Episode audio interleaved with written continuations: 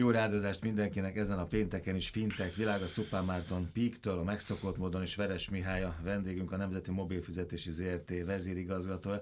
De most egy kicsit az Elektronikus Fizetési Szolgáltatók Szövetsége sapkát is kérem, hogy majd, majd vedd föl, mert ebben is majd kérdezünk téged. Megszokott módon short news két rövid hírrel kezdünk, ugye Marci? Sterling Bank, igen, hát egy jó párszor beszéltünk már róluk itt, legutóbb talán az, annak a kapcsán, egyébként talán legutóbb a zseppénzkártyájuknak a kapcsán kapcsán beszéltünk róluk, vagy a tavalyi gigaveszteségüket vizsgáltuk, ott ugye nagyjából egy két-három héten belül jelentett az összes releváns angol neobank vagy európai neobank, és mindegyik brutális mínuszban volt. A Sterling valahogy ilyen 100 millió angol font körüli mínuszt termelt 100-120. Most viszont jött egy olyan örömteli hír, hogy az októberüket nyereségesen zárták. Ráadásul egyébként nem is kicsivel, 800 ezer fontos pluszt termeltek, ami érdekes, hogy körülbelül kb. 9 millió font árbevételre esett ez a nyereség, tehát egy 10%-os marzsot el tudtak érni, ami, ami, ami nagyon, nagyon jó. Úgyhogy talán, talán itt van az első olyan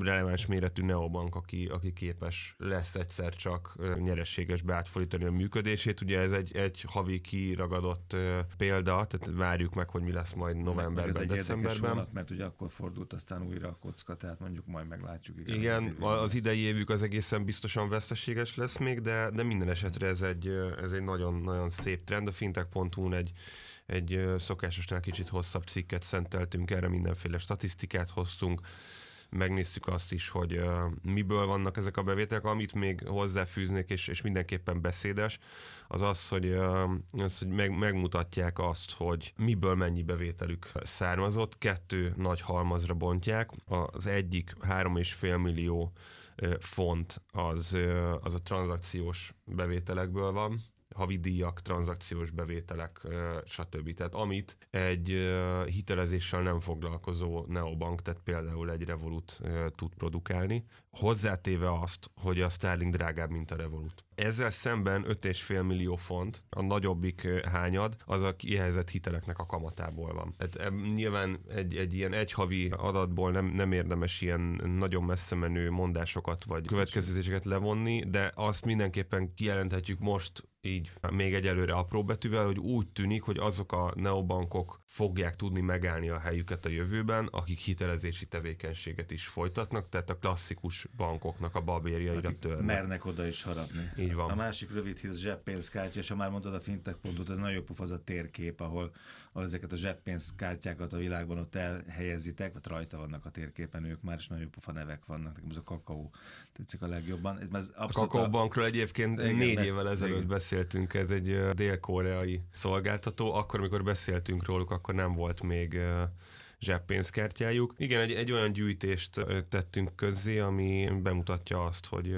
gyakorlatilag az összes földrésznek vannak már, megvannak már a saját zseppénzkártyái, látunk itt a Tinkoff Banktől, akár Oroszországban, Ausztrália, Ausztrál piacon. októberre, ha már Oroszország.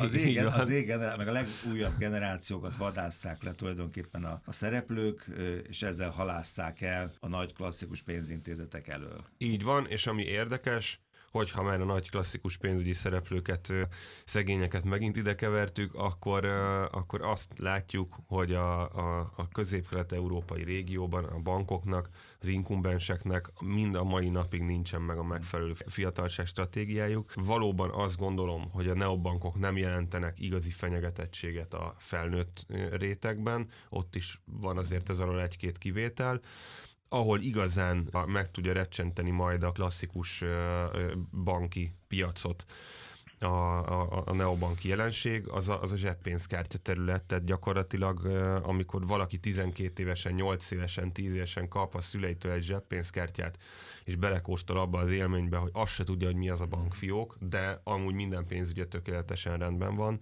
az biztos, hogy soha nem lesz klasszikus pénzintézetnek az ügyfele, úgyhogy érdemes lenne itt ébrednie a bankoknak. Veres Mihály, hogy itt ül a stúdióban Nemzeti Mobil Fizetési ZRT vezérigazgató, és mondtam, hogy a, a, az EFIS sapka is majd elő fog, vagy sipka is elő fog majd kerülni, de most ne a zseppénzkártyához kössünk téged, bár ahhoz is lehetne biztos van véleményed, hanem a múlt héten ugye a QR kódos fizetés, meg egyáltalán a QR kód, mint a jövő egyik ígérete, betörhette, lehet-e nagyobb piaci részesedése. Van-e benne nagy fantázia, erről beszélgetünk itt a Budapestban képviselővel, és miért beültél a stúdióba, azt mondtad, hogy, hogy neked például nagyon jó tapasztalatod van a QR kóddal. Abszolút. Ugye mi azt, azt látjuk, hogy követve azokat a globális trendeket, ami itt az elektronikus fizetés világában van, azért az, az érzékelhető, hogy ha egy picit késik is, de előbb-utóbb ebbe a kelet-közép tömbbe is Magyarországon is be fog következni, és ezek azért mindig be is következnek, és hasonló trendek futnak le, mint, mint globálba. És ugye az már 2018 után érzékelhető volt, akkor az akkori World Payments jelentésbe két, két nagyon fontos pontot fektettek le, ez egy ilyen globál átfogó jelentés ugye a pénzügyi szektor állásáról, hogy maga a mobil fizetés az 2022 után utól fogja érni a kártyás fizetéseknek a volumenét, tehát olyan téren terjed. És ez, ez látszik is, hogy ez jön, tehát ez, ez be is fog következni.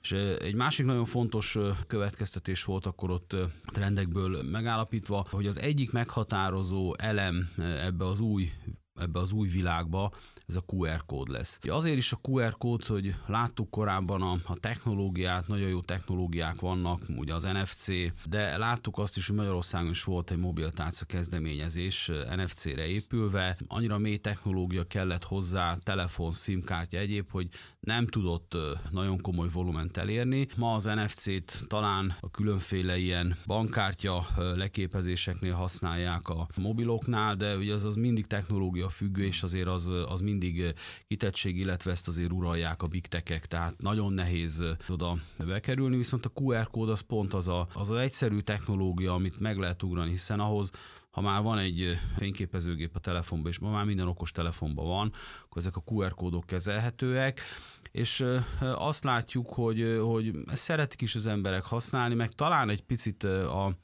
a biztonsági érzetük is jobb, hiszen azt is lehetett mérni, lehet tapasztalni, hogy azért van a felhasználóknak egy jelentős rétege, aki egy picit óvatos, tehát nem szereti azt, hogyha ő akár a Bluetooth-át kinyissa, hogy információ kerüljön le a telefonjáról, de ugyanez igaz az NFC-re is.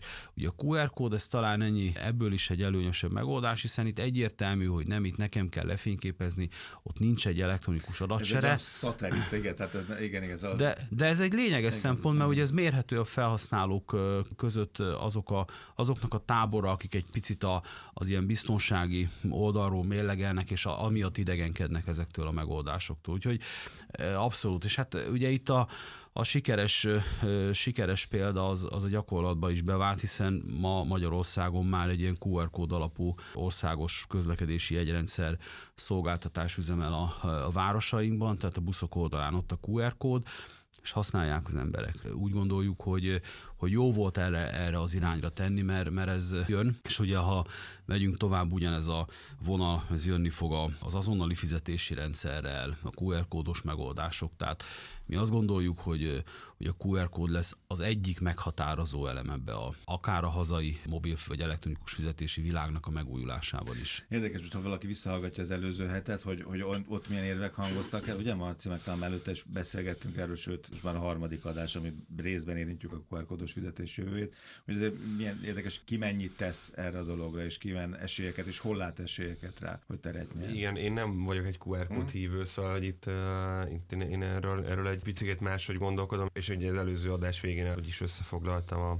a véleményeimet, meg az érveimet ez ellen ezzel kapcsolatban. Azt gondolom, hogy van olyan hely, ahol, ahol ezt, hogy ezt elmondtam múlt héten is, van helye a, a QR kódos fizetéseknek. Egyébként az elektronikus jegyrendszer az kifejezetten egy ilyen, ilyen terület. De azt gondolom, hogy azokon a helyeken jöhet ez jól, ahol nem csak egy fizetési tranzakciót csomagolunk bele a, a QR kódba, hanem egy, hanem egy teljes vásárlási folyamatot ö, egyszerűsítünk le.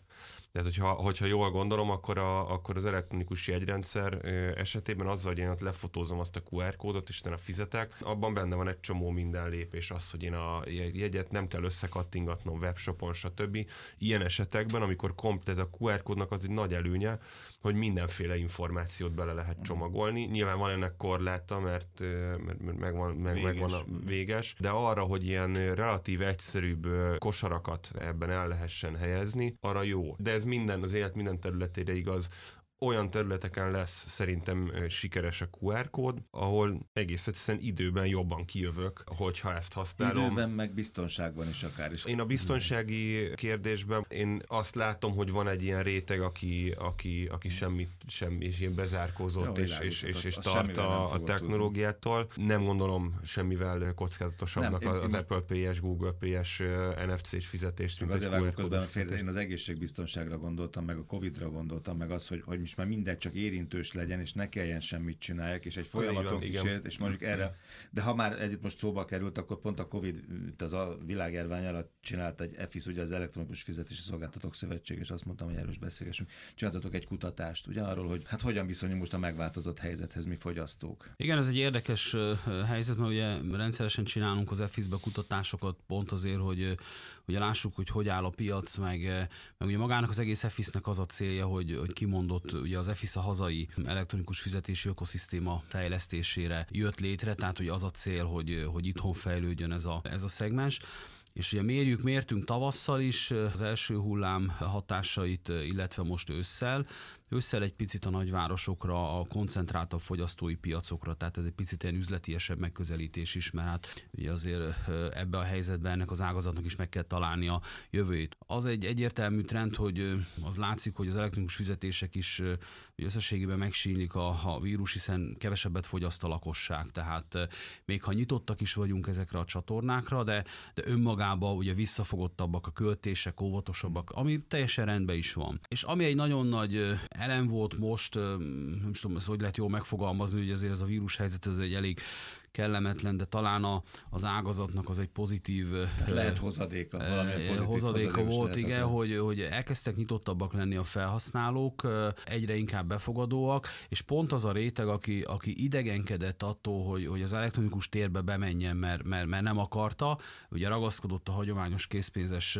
megoldásokhoz. Ugye ez a rétegnél érezhető volt az, hogy sokkal inkább félnek a vírus veszélytől, és inkább hajlandóak akkor az elektronikus térbe bemenni, mint hogy a kontaktálás kapcsán esetleg veszélybe kerüljön az egészségük, és úgy gondoljuk, hogy ez egy lehetőség. Tehát itt most, most az ágazat szereplőinek van egy nagyon fontos feladata, és itt mindenkinek, a, a finteknek, a bankoknak, azoknak a, a, a szereplőknek, akik ebbe az értéklánc létrehozásába benne vannak, hiszen mi továbbra is azt mondjuk, hogy ez egy értéklánc, ez nem egy egy szereplős, tehát ez nagyon sok szereplő kell, hogy egy, egy ilyen elektronikus fizetési ügylet összejöjjön, jön, igen. Nekik ez most egy lehetőség arra, hogy ezeket az ügyfeleket, akik nyitottabbá válnak a digitális szolgáltatásokra, meg tudjuk tartani és meg tudjuk fogni. Úgyhogy mi most arra sarkaljuk nem csak a tagokat, de mindenkit az ágazatba, hogy most van itt az ideje annak, hogy új digitális szolgáltatási értékláncokat hozzunk létre, és ebbe az államot is beleértjük, hiszen a kormányzatnak is lépni kell. Kormányzat lehet az egyik legnagyobb driver ebbe, hogy... Hiszen, hogy... hiszen a kormányzati szereplők sok Így éve, évtized mondja, hogy a kest valamilyen módon vissza kell szorítani. Igen. Hát ez, ez most egy abszolút jó lehetőség. Igazából most, most, igen, most a, a, a résztvevőkön múlik, hogy, hogy ebből mi az, amit ki fogunk tudni használni. Mi azt látjuk, hogy, hogy az, a, az a válság, ami most elérte az ágazatot is, talán az kompenzálhatja, hogy, hogy a penetrációt jobban lehet növelni, több ügyfelet lehet megtartani, és akkor talán, ha visszaáll valamilyen normálisba az élet, akkor, akkor vissza tudjuk majd pótolni azt a veszteséget, amit most a válság okozott azzal, hogy több ügyfelünk lesz, nyitottabbak lesznek, újabb szolgáltatásokat lehet bevezetni. Igen, aki picit is elveszik most, az visszatér, ha már ott, ott tartott az edukációban. És ezt kérdezem, és az EFIS egyébként az edukációban is beszáll, és arra is sarkalja itt a, a cél a szereplőit, hogy na most lehet ezeket a rétegeket megtalálni, feltalálni és, és ide vonzani? Igen, hát ugye mi fontosnak tartjuk az edukációt több megközelítésbe is. Egyrészt próbálunk különbözően innovatív kis pilot projekteket létrehozni, úgyhogy az EFIS-en belüli tagok együttműködéséből. Ez is fontos, hogy mutatni is tudjunk valamit, tehát hogy ne csak beszéljünk róla, hmm. hanem mutassunk lehetőségeket, hogy, hogy, lehet. hogy, hogy mik, miket, lehet. miket lehet ma már elérni és csinálni. Ez fontos a felhasználóknak, de fontos a kormányzatnak mindenki, hogy lássák, hogy ezek tényleg ma már megvalósíthatóak, de fontos az is, hogy edukáljunk, elmagyarázzuk, eloszlassuk azokat a kételyeket, félelmeket, ami esetleg az ügyfelekbe fönnáll, tehát fontos a bizalomerősítés, fontos az, hogy etikus viselkedést tanúsítsanak a szolgáltatók, fontos az, hogyha egy ügyfélszolgálatra beesik egy ügyfél, akkor ne az történjen vele, mint a klasszikus példában, hogy mindenki elküldi a másikhoz, és a végén az ügyfél körbeér, de nincs megoldás megoldás a problémájára. Úgyhogy mi ezért az EFIS tagságon belül kiemelten kezeljük magát ezt az etikus viselkedést, ugye külön a, az EFIS tagok vállaltak egy ilyen etikus viselkedési normát, ami túl a jogszabályokon olyan alapértékeket képvisel, ami, ami talán segít ezt elkerülni, hogy, hogy a felhasználó ki legyen szolgálva, jól érezze magát, és maradjon a szolgáltatáson. Ez a legfontosabb, hogy ne menjen el, ne álljon vissza a készpénzre, hanem inkább még ő hozzon be ügyfeleket, mert ez is fontos, akár csak családon belül, ugye ott nagyon fontos a minta. Ez mérhető is volt, hogy, hogy nagyon sokszor információt egymástól, barátoktól, családon belül kapunk, tehát fontos, hogy milyen mintát közvetítünk. Tehát úgy gondoljuk, hogy ezen kell és érdemes is dolgozni. Marci? Azt gondolom, hogy, hogy az ilyen típusú szövetségeknek abszolút van létjogosultsága. Nyilván az egy, egy veszély, hogy, hogy ezek sokszor az érdektelenségbe fulladnak. Az EFIS itt egy nagyon üdítő ellenpélda erre, tehát hogy én azt, azt látom, hogy ez idén már a második ilyen tanulmány. Tavaly is volt egy tanulmány a, szövetségnek, nincsen felduzzasztva tagokkal, tehát azt is néztem, hogy ne az, hogy itt akkor mi az helyes bankszektor, meg mindenki tagja ennek, valószínűleg tényleg olyan tagjai vannak, akik komolyan veszik ezt a küldetést. Nem úgy, mint mondjuk egy fintek szövetség, aki még megalakult itt egy fél egy évvel ezelőtt, és, és mondjuk mi elküldtük egy nyolc hónappal ezelőtt a csatlakozási kérelmünket, és semmiféle válasz nem érkezett, és valószínűleg nem, nem szem... valószínűleg nem vagyunk eléggé fintekek, igen. Valószínűleg nem, egy, nem, nem személyes, mert, mert másról is hallottam, aki, aki így járt ezzel. Szóval ez, ez fontos, és, és valóban nem elég, hogy, a, hogy az egyes szolgáltatók pusztán üzleti érdekből fejlesztik a különböző szolgáltatásokat, hanem kell egy egységes stratégia, és kell a pusztán üzleti érdekek fölött álló stratégiai és etikai gondolkodás ahhoz, hogy, hogy ez, ahogy rákérdeztél, edukációval fűszerezve tényleg jól tudjon előre menni. Most viszonylag kevés időnk jutott erre a kutatásra. Egyébként ez hozzáférhető valamilyen helyen, vagy valamit publikáltok ebből? Igen, magának a, az EFIS-nak a honlapján ennek egy kivonata az elérhető bárki számára, de ugye a tagoknak elérhető a teljes csomag, és egyébként hát mi biztatunk mindenkit, aki, aki úgy érzi, hogy ebbe a, a munkába szeretne részt venni, tehát szeretne ennek a hazai elektronikus fizetési ökoszisztémának a megújításán dolgozni, tehát mi nem szűkítjük a kört, ugye nálunk vannak bankok, lehetnek fintekek, de lehetnek olyan technológiai szereplők is, tagok, akik, akik az értéklánc részét képviselik. Mi egy picit ezt az értéklánc alapú megközelítést fogjuk, hogy, hogy ehhez nagyon sok szereplők kell, hogy legyenek szolgáltatások, és így is épül a, az EFIS tagkör, és hát ezért is végezzük ezeket a kutatásokat, de a kutatások mellett nagyon sok egyéb munka is folyik az EFIS-en belül. Projekteken dolgozunk, olyan közös projekteken, ami segít ezen célok elérésében. Érdekes, hogy nagyon sokszor látszólag olyan tagok vannak, akik egymásnak konkurensei, de abban mégiscsak együtt egy egyetértünk, hogy a, a tortát az közösen kell előtte meg sütni, hiszen ugye az a cél, hogy készpénzről, tehát azt a fizetési forgalmat, ami ma még készpénzbe megy, azt tereljük az elektronikus szektorba, ez egy közös érdek, viszont ezzel növelhető a torta, és utána minden szereplő Aztán egy sokkal, díszíti, azt sok, a, azt így van, tésztát, igen, utána igen. mindenki, mindenki hozzá, aztán majd ott versenyezhetünk megint egymással, igen. csak először legyen miért versenyezni. Nagyon szépen köszönöm, Veres Mihály volt itt a Nemzeti Mobilfizetési ZRT vezérigazgató, és természetesen Szupán Márton a PIK-től az érdekességek, az információk, és talán a kutatás rövidített változata és a fintech.hu-n. Jövő héten Fintech világa. Köszönöm szépen.